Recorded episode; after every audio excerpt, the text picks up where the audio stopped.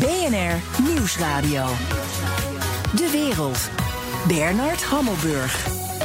Welkom bij het beste binnenlandse programma over het buitenland. Straks geeft het Israëlische vaccinatiesucces een kijkje in hoe het leven na corona eruit ziet. Ik bespreek het met oud-RIVM-directeur Roel Coutinho. Maar nu eerst. Amerika wil de Iran-deal wel herstellen, maar Iran laat de uitgestoken hand van Joe Biden nog even bungelen. As we have said publicly in Iran, we're not in a hurry. Uh, we have lived uh, through very harsh times. Our people have survived, and we have learned how to deal with these calamities. Het was de Iraanse minister van Buitenlandse Zaken Zarif, uh, Zarif. Wat is de Iraanse strategie? Ik praat erover met politiek analist en Iran-deskundige Damon Golriz.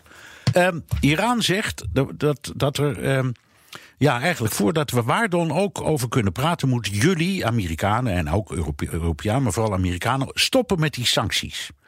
Nou, dat gaat niet gebeuren, dat weet Iran. Wat is nou de strategie? Uh, de strategie van Iran is om natuurlijk de tijd die er nu uh, is, om dat te gebruiken, om uh, onderhandelingspositie te versterken. Tegelijkertijd ja, verder te werken aan het uh, ontwikkeling uh, van de onderdelen die nodig zijn bij het maken van een nucleaire wapen. Denk aan de recente uitspraak van de opperste leider, de, de, de, Ayatollah Khamenei, die zei dat wij zelfs als het nodig is tot 60% uranium zullen verrijken. En tegelijkertijd ook tijd kopen want over drie maanden, vier maanden ongeveer, zijn er verkiezingen in Iran, presidentiële verkiezingen.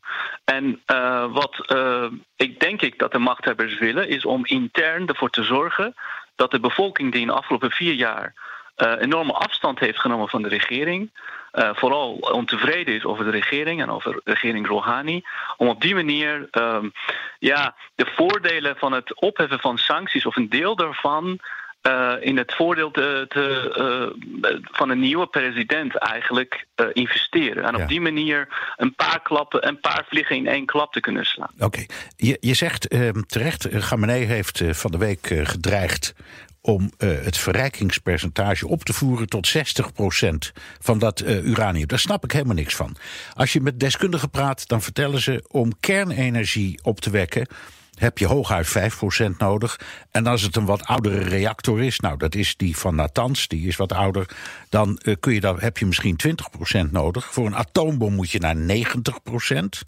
Wat betekent nou 60%? Volgens mij betekent dat helemaal niks. Zomaar een slag in de lucht.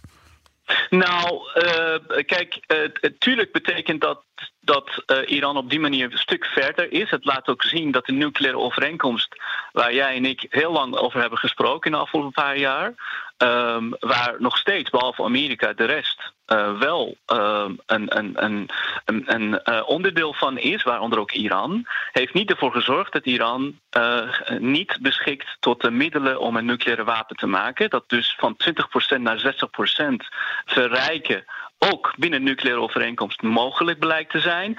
En 60% kan gebruikt worden eventueel voor um, onderzeeërs bijvoorbeeld. En Iran kan zeggen: kijk, ik heb voor mijn onderzeeërs heb ik uh, nucleaire energie nodig die tot 60% verrijkt kan worden. Ja, maar ze zeiden zeker toen de overeenkomst werd eh, gesloten, altijd: het gaat ons om kernenergie en misschien om medische isotopen, maar het is allemaal vreedzaam. Zodra je gaat praten over een um, onderzeeboot, dan is dat meteen militair. En dat valt volgens mij buiten de oorspronkelijke verdragstekst van 2015. Dus ze, ze, ze, stappen sowieso buiten de grenzen van de overeenkomst die is gesloten tussen Iran en wat dan heet de P5 plus 1, dus de permanente leden van de Veiligheidsraad en Duitsland, toch? Of zie ik het verkeerd? Nee, je ziet het heel goed. En dat, zijn, dat is niet het enige onderdeel wat dus um, buiten de nucleaire overeenkomst uh, gaat. Het gaat ook bijvoorbeeld om de ontwikkelingen van um, raketten, ballistische raketten. Ja. Dat zijn raketten die gebruikt worden om zo meteen een kernkop uh, uh, op te kunnen installeren. En dan heb je een kernwapen. En, en dat is ook doorontwikkeld, ondanks nucleaire overeenkomst. Het laat allemaal zien dat tegen de, de, de, de heersende narratief dat uh, nucleaire overeenkomst met Iran heeft gewerkt, het laat zien dat het juist niet heeft gewerkt. Het laat zien dat de zorgen die heel veel mensen, waaronder ik ook hadden, uh, die terecht waren toen de tijd. En dat Iran eigenlijk langzaam op dit moment ook binnen zelfs binnen nucleaire overeenkomst verder gaat met doorontwikkelen van zijn bevindingen en know-how. en dat maakt natuurlijk heel veel landen zorgen, ja, waaronder Israël. Israël, uh, ja. ja Saudi-Arabië, de Verenigde Staten. Saudi-Arabië, ja. ja. Um, en, en, en het biedt ook, en dat is belangrijk, strategisch gezien biedt het ook Iran een soort paraplu, een strategisch paraplu, om uh, andere doelen te bereiken, waaronder ook de invloed van de Shiïtische proxies ja. in het Midden-Oosten. Denk aan de laatste raketten. Ja, precies. Daar komen kom, kom, kom direct even aan toe. Eerst even de rol van het internationale atoomagentschap. Dat houdt toezicht. En uh, dat, dat kan op het ogenblik minder zien dan destijds was afgesproken. Niettemin zegt het atoomagentschap: wij verlengen de overeenkomst nog even met drie maanden, hoewel Iran zich niet uh, aan de afspraken houdt. Is dat nou om de diplomaten ruimte te geven? Van jongens, probeer het nog even. Ik denk dat het juist op die manier gelezen kan worden. Dat het een manier is om drie maanden, net voor die verkiezingen waar we het over hadden, de diplomaten de mogelijkheid hebben om te kijken of zij die gesprekken kunnen leiden tot uh, terugkomen van Amerika in overeenkomst. En dat Iran ook zich aan de uh, termen van de, van de overeenkomst houdt. Uh, maar tegelijkertijd, het, het maakt, denk ik, mij ook heel erg zorgen. Want uh, dat betekent dat na drie maanden juist het niet hebben van inspecties een grote zorg kan zijn voor landen als Israël.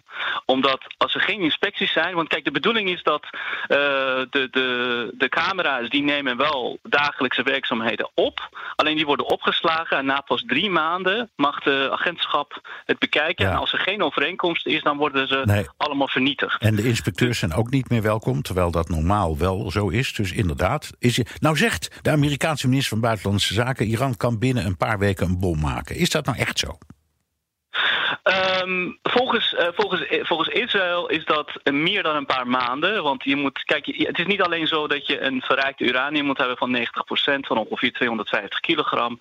Uh, maar je moet ook andere onderdelen hebben. Een soort IKEA-pakket voor het maken van een atoombom. Dat heeft wat tijd nodig. Je moet ook testen uitvoeren. Um, maar uh, uh, Iran heeft wel bijna alle onderdelen al af. Uh, ballistische raketten, dat is waar de kernkop op komt.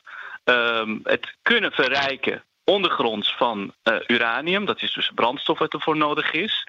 En alle onderdelen en know-how is er. Um, en als er zo, zo meteen geen inspecties zijn, juist wat atoomagentschap heeft gedaan, denk ik, om de diplomatieke ruimte te kiezen, zoals jij dat zei, dat kan juist ervoor zorgen dat landen als Israël ontzettend bezorgd zijn. Ja. Om nou, juist uh, uh, op te treden voordat de drie maanden voorbij is. Eerst even voordat we naar die uh, strategische bedreigingen kijken. Ehm, Iran komt om in olie en gas. Jij hebt veel contact in Iran. Hoe kijken de Iraniërs naar dat atoomprogramma? Um, Uh, er is, is wel grappig, Iran heeft inmiddels ook heel veel invloed in de westerse uh, media en publieke opinie. Dus ik heb gisteren bij een, een bijeenkomst online gevolgd, waarin dus zogenaamd um, ja, peilingen worden gehouden onder Iraniërs, telefonisch gezien. Nou, als je dus naar die peilingen kijkt, die dus in Amerika worden gehouden, en dat wordt ontzettend versterkt en uitgezonden door de Iraanse lobby in Washington en in Brussel, dan zie je dat Iraniërs achter het nucleaire programma staan en achter de beslissingen staan die dus de regering neemt. Zelf denk ik, en dat meet ik aan de hand van uh, wat ik dus zie op sociale media, maar mensen die ik spreek in Iran, uh, kan men niet de calculatie maken van uh, al die kosten die ze moeten betalen per dag. Denk aan de sancties, maar ook aan de enorme druk en repressie die men voelt. Voor een programma wat dus minder dan 5% van de elektriciteit van het land kan voorzien. En Iran heeft tekort aan elektriciteit, vooral in de zomertijden waar heel veel airco's aan staan. Ja. Dus mensen kunnen dat niet zien. Mensen kunnen niet zien wat voor voordeel dit heeft. En ze kunnen dat ook niet zien of het nou wel of niet het hebben van een atoombom, of Iran het gaat maken of niet, werkelijk gaat maken. Dat betwijfel ik. Uh, mensen zien niet waarom dit nou nodig is. Dus het, het nut ervan is steeds uh, minder duidelijk voor mensen. Dat geldt ook bijvoorbeeld naar, uh, naar aanleiding van de berichten die je ziet van uh, of Iran werkelijk in Syrië moet blijven of niet. Of dat een, een belangrijk punt is om daar ontzettend ja. veel in Bashar al-Assad te investeren. Vroeger had je ISIS, dat was nog een argument, maar nu is dat veel minder. Nee, en dus, heel veel, dat hoor ik ook, Iraniërs die zeggen... waarom gaan we sloten met geld naar zo'n oorlog in Iran of in Syrië... Terwijl, wij, terwijl we zelf allerlei uh, in, in, noden hebben in eigen land. Best een begrijpelijke redenering. Los, los van of je dat nou politiek bedoelt of niet. Maar je zult, je zult maar last hebben van economisch en die enorme hoeveelheden geld het land zien uitvloeien. Dat is een afschuwelijk idee. Ja, ja, precies. En kijk, mensen maken natuurlijk ook heel snel uh, de calculatie van, ja, we zouden toegang krijgen vanuit de Perzische Golf en de Kaspische Zee naar de Mediterrane Zee, hè, via Libanon en via Syrië, dus via die Syrische proxies. Om op die manier Israël in toom te houden. Dat was het argument. Wat blijkt nu? Dat Israël in het noorden via Azerbeidzjan en in het zuiden via de Arabische golfstaten, of de Perzische golfstaten, Arabische landen, uh, uh, op dit moment ook invloed uitoefent en uh, zelfs uh, in, um, ja, inlichtingen kan verzamelen ja. uh, in het noorden en in het zuiden. Dus tot hoeverre zijn we nou eigenlijk succesvol met onze regionale ja. ambities? Ja. Dit is BNR De Wereld. Mijn gast is politiek analist en Iran-kenner Damon Goris.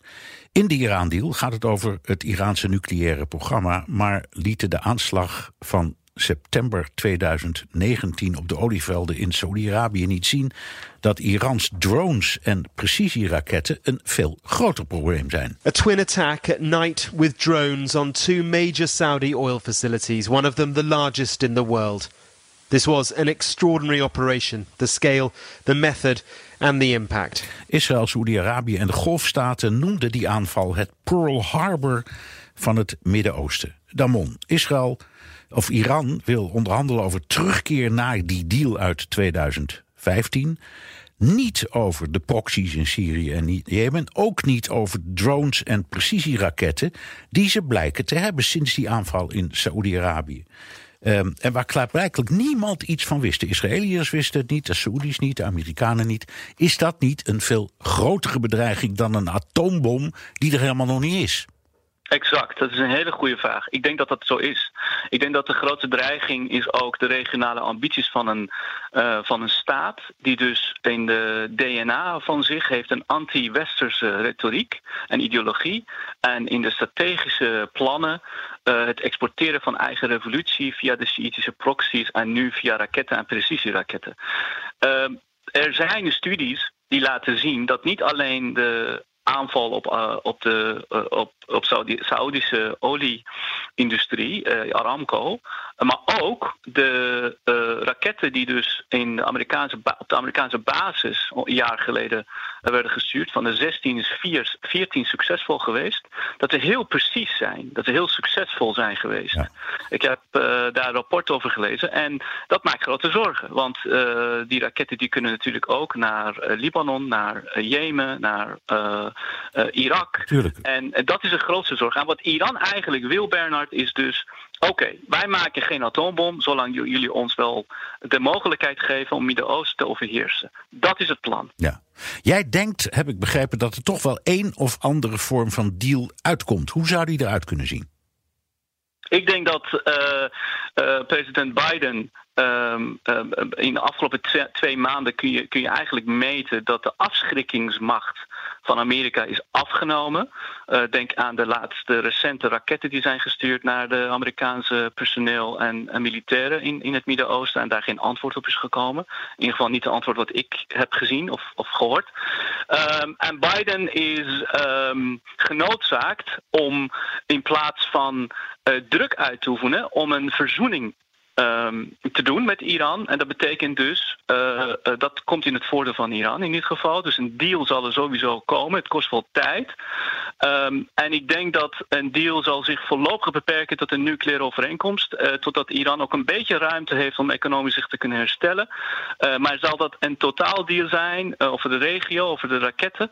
Met, met het niveau van de afschrikking nu op dit moment en de aandachtsveld van Amerika, die eigenlijk helemaal niet naar het Midden-Oosten is, maar naar China, naar klimaat, naar uh, COVID, bestrijden van COVID.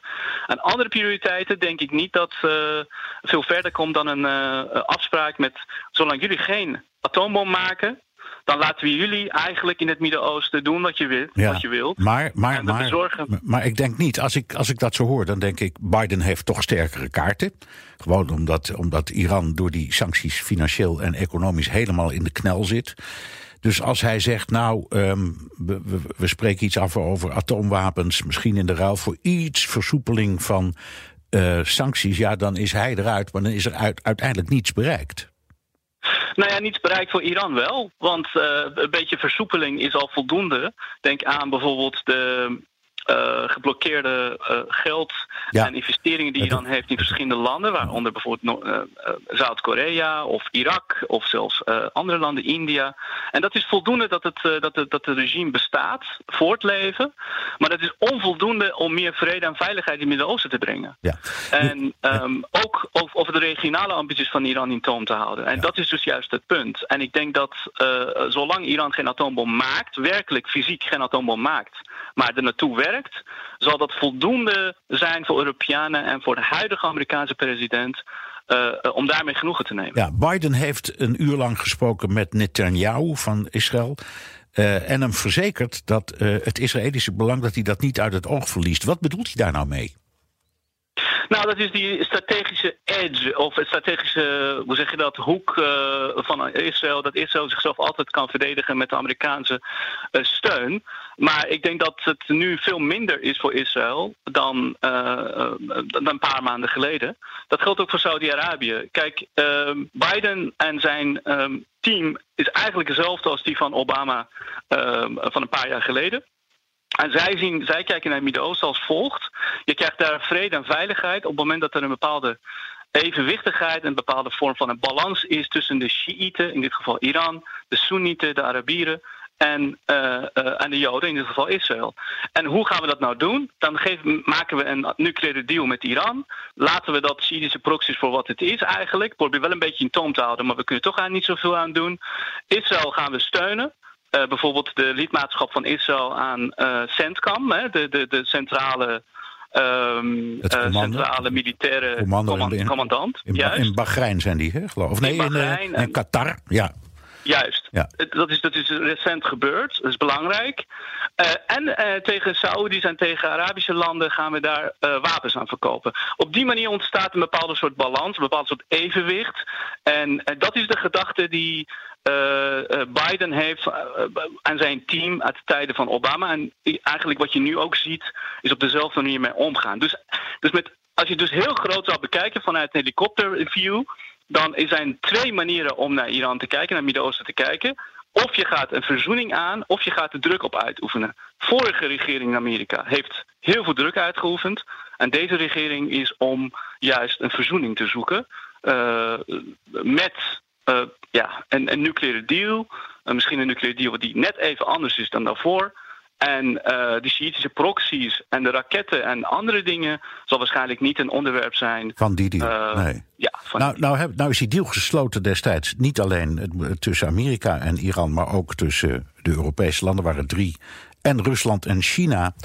Um, hoe kijken de Russen hiernaar? Want ik heb altijd de indruk dat de Russen, ja, ik zal zeggen, in het openbaar de Iraniërs wel steunen, maar eigenlijk ook helemaal niet gelukkig zijn met het idee van, uh, uh, van die precisieraketten of een mogelijke atoombom. Ja, ja nee, de Russen die, die zijn daar zeker bezorgd over. Tegelijkertijd, Russen hebben ontzettend veel invloed in de revolutionaire garde. En uh, in, in, het, in het huis van, de, van Khamenei, van Ayatollah Khamenei. Dus ze hebben wel heel veel invloed. En Russen gebruiken Iran als een onderhandelingskaart om tegen het Westen hun eigen doelen te behalen. En natuurlijk nu ook met de invloed van het Midden-Oosten Iran in te zetten. De Shiïtische proxies inzetten ter bescherming van hun eigen troepen. Ja, maar, uh, maar goed, dat is overzichtelijk. Ze hebben een, een, een marinebasis in Libanon. Um, en, of in, en in Syrië. En ze hebben, nou ik zeg altijd, een strategisch doel gehad bij het houden van een, een redelijke relatie met uh, Syrië en andere landen. Maar ik heb de indruk dat ze de militaire ontwikkeling van Iran net zo min op prijs stellen als de Verenigde Staten of Europa. Ja, dat, dat kun je ook meten aan de hand van de uh, um, wapens die ze dus niet aan Iran willen verkopen of eigenlijk heel beperkt. Of, uh, uh, uh, of, tot, of half, zeg maar. De antiraketwapens of andere wapens willen Russen niet zo snel aan Iran verkopen. Russen hebben er baat bij dat Iran als een soort onderhandelingskaart voor Rusland tegenover het Westen, tegenover Amerika en Europa, wordt ingezet. Maar tegelijkertijd willen ze natuurlijk niet dat Iran ook nucleair wordt. Uh, dus het is een beetje een balans. En in die zin, en dat zie je ook, uh, dat zie je ook aan hoe Russen zich opstellen in Syrië tegenover de duizenden aanvallen die Israël op de Iraanse troepen heeft uitgevoerd in de afgelopen paar jaar. Ja. Dus uh, Russen spelen een soort balans eigenlijk spel. en dat geldt voor China ook. Kijk, ze hebben uiteindelijk zowel Rusland als China, die hebben altijd meegestemd in de Veiligheidsraad tegen een resolutie om Iran te sanctioneren. Dat is een feit. Ja. En Rusland en China allebei, die zijn niet de meest populaire uh, landen onder Iraniërs, gewone Iraniërs. En dat is belangrijk. Publieke opinie is toch wel belangrijk in Iran. Uh, om bepaalde dingen te kunnen uitvoeren. Dus ze zijn voorzichtig. Ze proberen een balans te creëren. Allebei, China en Rusland. Uh, maar tegelijkertijd ook eigen belangen te behartigen. Er komen verkiezingen, zei je, in Iran. Hoe gaan, gaat deze hele zaak die verkiezingen ja, beïnvloeden als het al gebeurt? Um, de verkiezingen dat, uh, die gaan komen. De, de, kans is heel groot dat veel minder Iraniërs zullen deelnemen dan, dan in de afgelopen vier decennia. Um, Iraniërs zijn een paar jaar geleden lijkt een radicale verandering in hun manier van denken tegenover de regering gecreëerd. Dat is dus dat er geen verschil is tussen de hardliners en de gematigden. Dus verkiezingen wordt wel spannend. Uh, Khamenei zal alles inzetten om ervoor te zorgen dat de participatie hoog blijft, zodat zij legitimiteit kunnen geven aan de nieuwe president. En een nieuwe president zal uh, hoogstwaarschijnlijk iemand zijn die heel dicht staat tot het huis van Khamenei en de revolutionaire garde. Een jonger persoon, want 80% van Iraniërs is onder de 40, 45 jaar oud. Ja, en, 9, persoon... en 90% van de leiders is boven de 100, denk ik altijd. Ja. ja. Of 100% boven 90 kan natuurlijk ook. Oké, okay, ik snap. Oké, okay, dank. Ja. Damon Golris, politiek analist en Iran-deskundige. BNR Nieuwsradio. De wereld. Bernard Hammelburg. Voor een aantal landen is de eindstreep van het vaccinatieproces in zicht. It's a very big day for the State of Israel. We've been living for almost a year with the most difficult pandemic that humanity has seen for the last 100 years. And now is the beginning of the way out. Dat was de Israëlische premier Netanyahu bij het begin van de Israëlische vaccinatiecampagne. Israël, maar ook Bahrein, het Verenigd Koninkrijk, de Seychelles, die gaan als een speer. Wat kunnen we leren van deze landen? Ik praat erover met Roel Cortinho, epidemioloog, oud-directeur van het RIVM en schrijver van het nieuwe boek Vax, hoe vaccinaties onze wereld beter hebben gemaakt. Welkom, fijn dat je terug bent in het programma. Nou, uh, ja. het genoegen is wederzijds. Ja. ja. Eerst even felicitatie met je boek. Daar gaan we, gaan we het uit, uitvoerig over hebben, natuurlijk. Alleen al over die titel. Zeg dat maar meteen even. Hoe, hoe ben je gekomen bij die titel? Vax, V-A-X-X?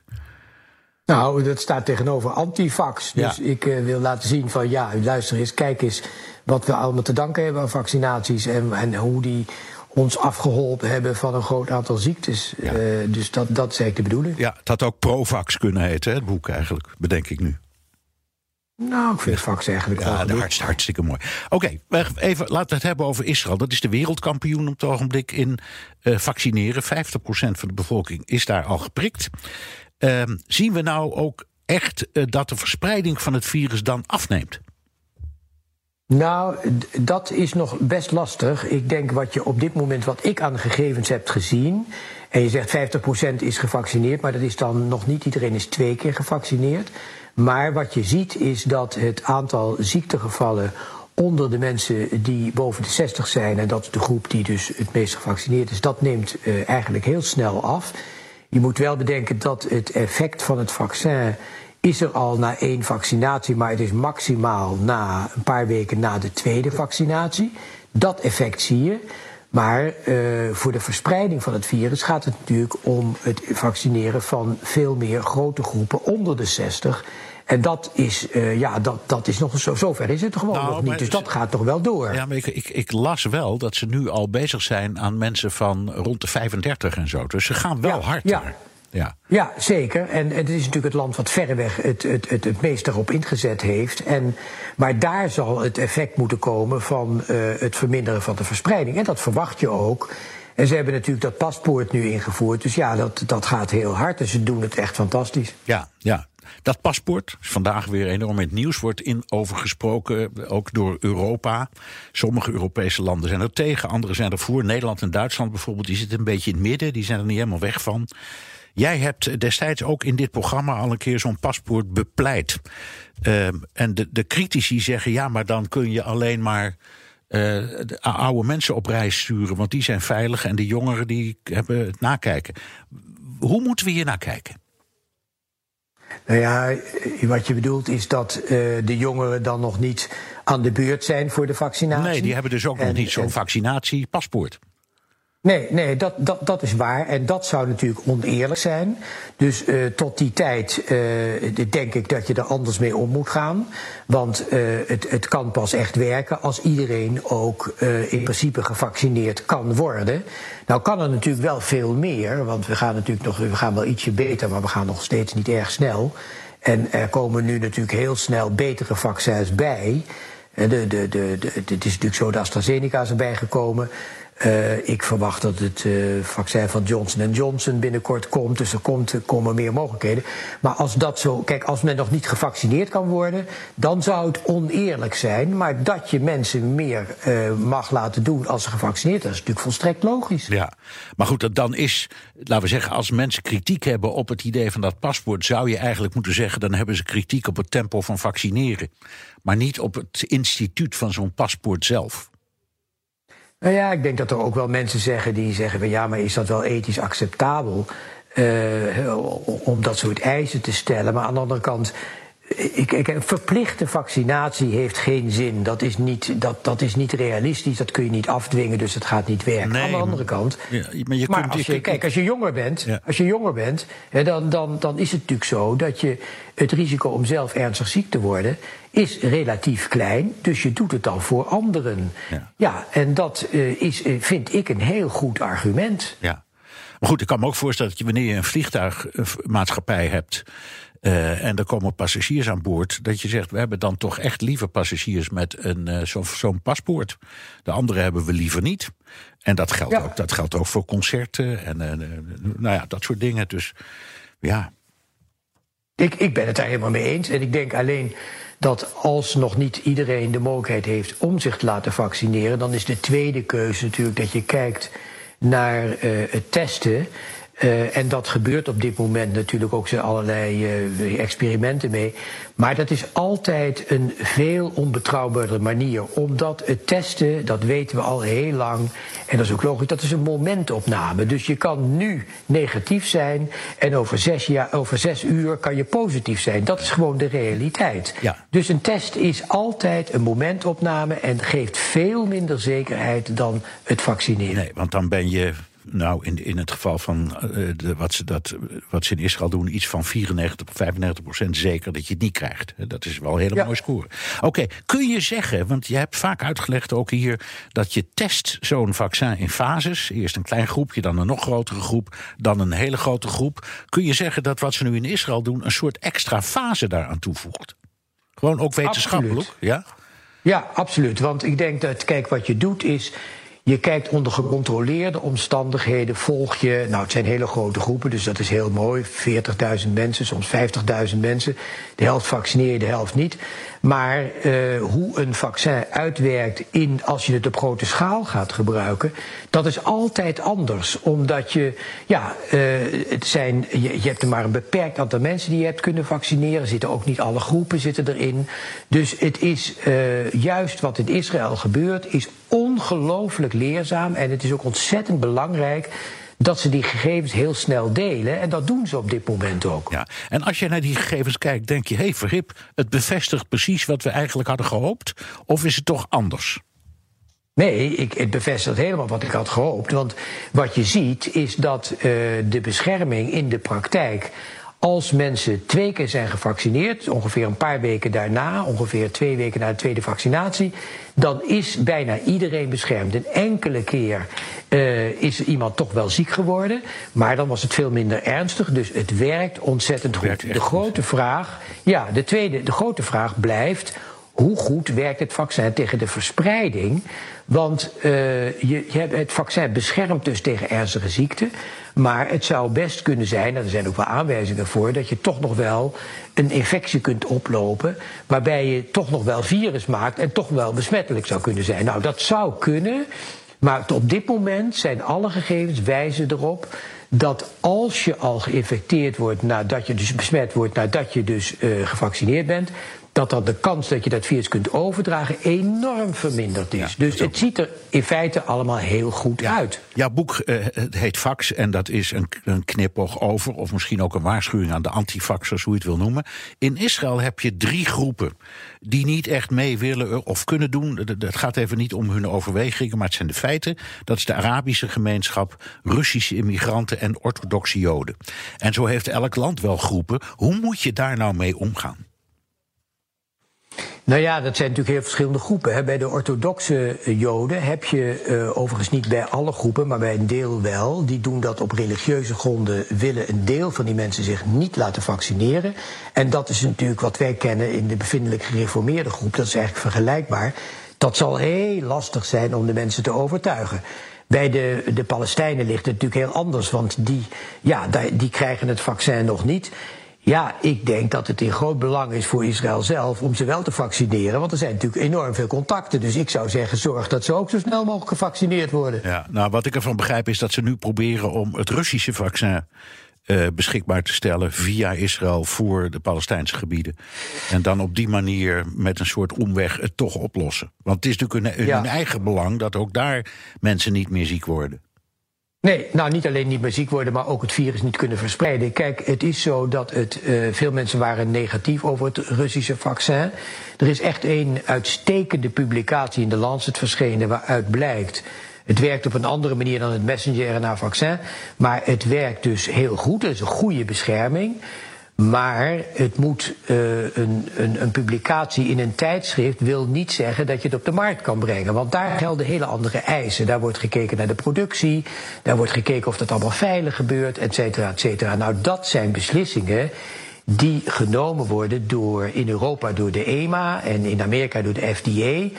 En ik zou zeggen, je kan dat Russische vaccin pas gebruiken op het moment dat het door een van deze uh, zeer geroutineerde en grondige organisaties goedgekeurd. Ja. En tot die tijd zou ik er aarzelend in zijn. Oké, nou dat, dat is in overeenstemming met het beleid van de Nederlandse overheid in dit geval. Hè, want die zeggen we staan er niet onsympathiek tegenover, maar we moeten het eerst zeker weten. Zelfs wat jij zegt. Ja. ja. Oh. Oh, eh, geeft wat er nu gebeurt in Israël, en laten we het niet vergeten, ook in Bahrein en tot op zekere hoogte in het Verenigd Koninkrijk, de Seychelles, geeft dat een beetje een blik op onze nabije toekomst? Nou, zeker, want uh, ja, de Engelsen doen het ook heel goed. Hè. Die hebben natuurlijk ook uh, het enorm krachtig aangepakt. Eigenlijk uh, van de enige in Europa die dat zo stevig hebben gedaan. Zijn eerder begonnen, uh, hebben het, het, enorm snel opgepakt. Wij waren natuurlijk, ja, wij waren, zaten helemaal achter in de lijn. Het gaat nu wel wat beter. Ja, wat je eruit leert is vaccineren, vaccineren en nog een keer vaccineren. Dat, dat is het antwoord. En alle andere maatregelen ik, die, die, die roepen ook heel veel weerstand op, en dat is ook te begrijpen. En geen van die maatregelen is natuurlijk een echte oplossing. En dat, uh, ja, dat, ik, het verbaast mij ook wel dat uh, ik snap politiek dat men zich daar voortdurend heel erg over opwindt. En dat snap ik ook. Maar eigenlijk zou je vooral moeten zeggen: waarom vaccineren we niet nog, nog sneller? Daar moet alles op gericht zijn. Ja, ja um, dat brengt ons op het boek. Um, uh, er zijn meer boeken geschreven over. Er is een hele groep van antivaxers. Er zijn mensen om religieuze redenen, wat jij net aangaf. Er zijn ook mensen die vaccins überhaupt wantrouwen zonder dat ze er echt iets tegen hebben. En allerlei groepen daar uh, tussenin. Als we nou naar andere ziektes kijken waar vaccins uh, met succes worden gebruikt, difterie, mazelen. Ehm, ja, dan, dan denk je toch hoeveel meer overtuiging wil je hebben? Ja, dat, dat, dat ben ik helemaal met je eens. Want ik, ik kan die redeneringen dus ook echt helemaal niet volgen. En ze zijn ook helemaal niet op feiten gebaseerd. Uh, ja, kijk, kijk naar, kinderverlamming. Ik bedoel, dat was tot, tot 50, 60 jaar geleden was dat een van de grootste, tot 57 was een van de grootste problemen waar we mee te maken hadden. Is gewoon bijna de wereld uit. Dat geldt voor al die ziektes, difterie, het geldt voor mazelen, al die.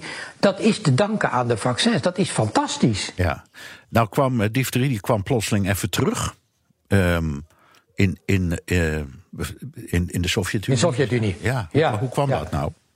Nou, dat, dat is eigenlijk een heel goed voorbeeld waarin je ziet dat, uh, dat als je die vaccinatiegraad enorm naar beneden gaat, dat je dan toch weer risico's gaat lopen. En want de Sovjet-Unie was, was natuurlijk, uh, ja, daar kan je van alles zeggen over het systeem, maar het was een vaccin, qua vaccinatie was het goed geregeld. Ja, en toen stortte dat land in en, en men, de hele vaccinatiegraad die, die ging enorm naar beneden. En het gevolg was een grote difterie-epidemie met echt duizenden doden in het westen, in, in, in westelijke gebieden. Omdat uh, difterie is een bacterie. Mensen dragen dat bij zich, sommige mensen. En dat komt in, uh, in, in, met name in het oosten van, van, van de Sovjet-Unie kwam dat nog veel voor. En die mensen die reisden naar het westen en brachten dus die bacterie mee. Dan begon het allemaal weer overnieuw. Maar je ziet het ook in vluchtelingenkampen bijvoorbeeld op dit moment. Of in Venezuela zie je het ook weer gewoon terugkomen. Ja. Um, Even over het griepvaccin. Daar hebben we het al vaker over gehad. Ehm, en dan ook over mensen die riepen: ja, ik, uh, ik, la, ik doe dat niet, want ik heb het één keer gedaan, toen kreeg ik prompt griep. Hoe zit het nou met dat griepvaccin? Nou, het griepvaccin is bepaald niet ons beste vaccin. Uh, als je alle studies op een rij zet, zie je dat het volwassenen tussen zeg maar 18 en, en 60, 65 zo'n 50, 60 procent bescherming geeft. Dus dat is niet fantastisch. En uh, voor de ouderen, want dat zijn eigenlijk de risicogroepen, weten we niet zeker hoe die bescherming is. Dus die is heel beperkt. We kunnen dat ook niet meer onderzoeken, omdat je dan eigenlijk hele zorgvuldige studies zou moeten doen waarin je één groep wel vaccineert en een andere groep niet. Dus dat is gewoon niet doenlijk. En we moeten het met dit vaccin doen. Dat het een zekere bescherming geeft, ja, dat weten we zeker. Maar omdat het virus zo snel verandert, is die bescherming beperkt. Nee, dus, dus, uh, dus, dat, dus, dus zo'n prik nemen en toch griep krijgen, daarvan zeg jij, ja, dat is logisch, want je hebt hooguit 50% kans. Nou ja, je, je, het beschermt een beperkte mate. En ja, weet je, bovendien, uh, als je koorts krijgt, denkt iedereen dat je griep hebt. Maar ja, dat weten we langzamerhand. Er zijn een heleboel andere virussen die dat kunnen doen. Dus dat zegt eigenlijk helemaal niks. Ja. Even dat wil ik toch nog memoreren. We hebben het er ook wel eens eerder over gehad, maar toch, naar aanleiding van het boek, het HPV-vaccin tegen baarmoederhalskanker. Daar heb jij destijds stuitte je op weerstand in de Bijbelbelt. Kun je dan zeggen, als, als het in zo'n grote gemeenschap niet lukt, is eigenlijk zo'n heel vaccinatieprogramma komt dan in gevaar? Nou, kijk, daar was de weerstand zeker niet alleen bij de Bijbelbelt. Die was er. Maar die was veel en veel groter. Want we wisten van tevoren dat dat daar zou zijn. Maar het zat uh, bij heel veel goed opgeleide groepen. Waarvan de ouders, ja, die gingen op internet kijken. En die hadden zoiets van: Goh, dat heeft heel veel bijwerkingen. Die meisjes werden zenuwachtig. Uh, die gingen elkaar vertellen dat er allerlei ernstige dingen aan de hand waren. Dus die, Bijbel, die, die, die, die Bijbelbelt heeft daar niet zo'n rol gespeeld. Het waren echt andere groepen. Ja, het gevolg was dus dat er maar ja, zeg 60% 55% van die meisjes zich niet vaccineren. En dat is eigenlijk vreselijk. Want uh, doordat ze zich niet hebben laten vaccineren, hebben ze dus het risico gehouden om baarmoederhalskanker door deze type op te lopen. En dat is natuurlijk heel erg naar. En uh, ja, dat, dat, voor mij was dat een, echt een totale verrassing. Ik had dat absoluut niet gedacht. En we hadden het ook niet ingeschat van tevoren. Ja, we hebben ervan geleerd dat je het op een andere manier moet aanpakken. En nu is de bedoeling om het naar eerdere leeftijdsgroep te halen, om negen jaar. Uh, omdat uh, dan kan het gecombineerd worden met andere vaccins. En dan zal het waarschijnlijk wat meer, ge, zullen meer mensen het doen. Maar het is een, echt een voorbeeld van, van ja, toch een zekere zin een mislukking van een fantastisch vaccin. Het is inmiddels aan ongelooflijk veel mensen gegeven. Het blijkt ook dat het echt het baarmoederhalskanker voorkomt. Daar was altijd nog discussie over, alleen de voorstadie. Nee, het voorkomt baarmoederhalskanker, dus een fantastisch vaccin. Het heeft geen bijwerkingen. Ja, dan is het heel treurig dat op basis van slechte argumenten en onzinverhalen. dat dan uh, mensen, het, die meisjes en die jongens het niet nemen. Nee, en als je HPV, het woord HPV nu even vervangt door corona. dan kun je nu hetzelfde verhaal gaan houden, toch? Dat denk ik niet. Ik denk dat. Uh, nee, ik bedoel, ik bedoel dat is ook, het is ook ontzettend jammer als mensen dat niet zouden doen. Dat wou ik alleen maar ja, zeggen. Ja, ik denk, maar ik denk dat dat toch wel anders ligt. Ik denk dat Kijk, er zijn natuurlijk allerlei studies die, die zeggen van ja, gaan mensen zich wel laten vaccineren. Maar de ouderen, die weten natuurlijk gewoon wat het risico is. En ik heb de percentage in Nederland nog niet gezien, maar ik denk dat dat dicht bij de 90% gaat komen. Dus daar verwacht ik eigenlijk een hoog percentage deelname. En dat is natuurlijk gelukkig. Ja, de, de, de discussie zal zijn bij de jongeren. En daar zullen we, nou ja, dat komt weer terug bij dat paspoort en die verplichting. Dus dat zullen we moeten afwachten. En daar, daar gaat het natuurlijk om voor wat betreft de verspreiding. Ik heb mijn uh, mouw al opgerold. Dankjewel, Roel Cortinho, oud-directeur van het RIVM en schrijver van het nieuwe boek Vax: Hoe vaccinaties onze wereld beter hebben gemaakt. Postma in Amerika. Tijd voor het laatste nieuws uit Amerika met onze correspondent Jan Postma vanuit Washington. Ja, dat zeg ik nou wel, Jan, maar jij bent niet in Washington. je bent in Florida voor CPAC, de Conventie voor Conservatief Amerika. Beschrijf eens, wat zie, wat, wat zie je, wat zie je om je heen, waar zit je? Ja, ja, nou, het, is, het verschil met Washington is dat hier uh, de palmbomen staan. Dus dat is heerlijk, lekker weer. Maar ik zit, uh, Bernard, hier op een plek met heel veel grote hotels, conventiecentra, allemaal bij elkaar. De ene is echt nog groter dan de ander. En, en die mensen die juichen nu allemaal. Want die hebben voor het eerst in een jaar tijd weer een beetje klandizie. Uh, met corona was natuurlijk alles dicht. En normaal is deze conventie dus in Washington. Maar daar zijn de coronaregels een stuk strenger dan hier in Florida, waar natuurlijk een republikein gouverneur is. Hier mag gewoon veel meer. En uh, om je meteen een gevoel te geven over, over hoe mensen uh, hier tegen de wereld aankijken. De vlag voor mijn hotel hangt half stok. En uh, in, in, Washington is ook veel half stok. Dat heeft met die, die half miljoen coronaslachtoffers te maken. Dus ik vroeg waarom is dat? En toen kreeg ik te horen: nee, dat is niet vanwege corona. Dat is vanwege de dood van de stem van conservatief Amerika, de talk radio ster Rush Limbo. De man waar wij het vorige week over hadden, Bernard. Dus CPAC komt hier ook een beetje thuis op dat punt. Yes, he should. Congressman Feeney? Uh, that's up to CPAC. I've, I've, been clear in my views about uh, President Trump and, and, the extent to which following, the extent to which following January 6th, uh, I don't, I don't believe that he should be playing a role in the future of the party or the country. Uh, dit is uh, uh, Kevin McCarthy, hoorde je eerst. De, baas van de, de, Republikeinen in het Huis van Afgevaardigden. En je hoorde daarna Liz Cheney. zij is de nummer drie van de Republikeinen in het Huis van Afgevaardigden. En ja, ik moet eventjes terugcirkelen naar waarom ik hier ben en wat dit met CPAC te maken heeft.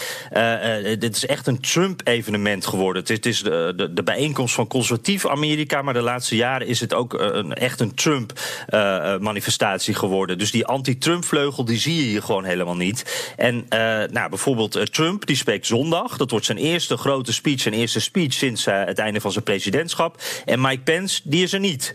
dat is natuurlijk veel meer een echte conservatief. Dus dat geeft even aan hoe de verhoudingen zijn. En hier wordt het echt een strijd om, om, om die partij. En het begin daarvan wordt eigenlijk, het startschot wordt daarvan gegeven met Trump's speech. worden we een Trump-partij als GOP of, of, of gaan we toch een beetje meer de klassieke kant van voor Trump gaan we die op. Nou, en wat je net dus hoorde, uh, waren Kevin McCarthy. En McCarthy die zei van, uh, uh, ja, Trump die moet gewoon op CPAC spreken. En daarna hoorde je Liz Cheney die zei van, ja, uh, dat is aan CPAC om dat te doen. Maar uh, ik kan je wel vertellen, uh, hij moet geen rol meer hebben in de toekomst van onze partij. En daarna viel het even stil. En toen hoorde je en voelde je de spanning. En toen zei McCarthy, nou, on that high note, tot ziens. En liepen ze beide de andere kant op. Dus ja. er is echt een verdeeldheid daar. Ja, dan heb je senator Mitt, Mitt Romney. Dat is ook zo iemand die kritisch is op Trump.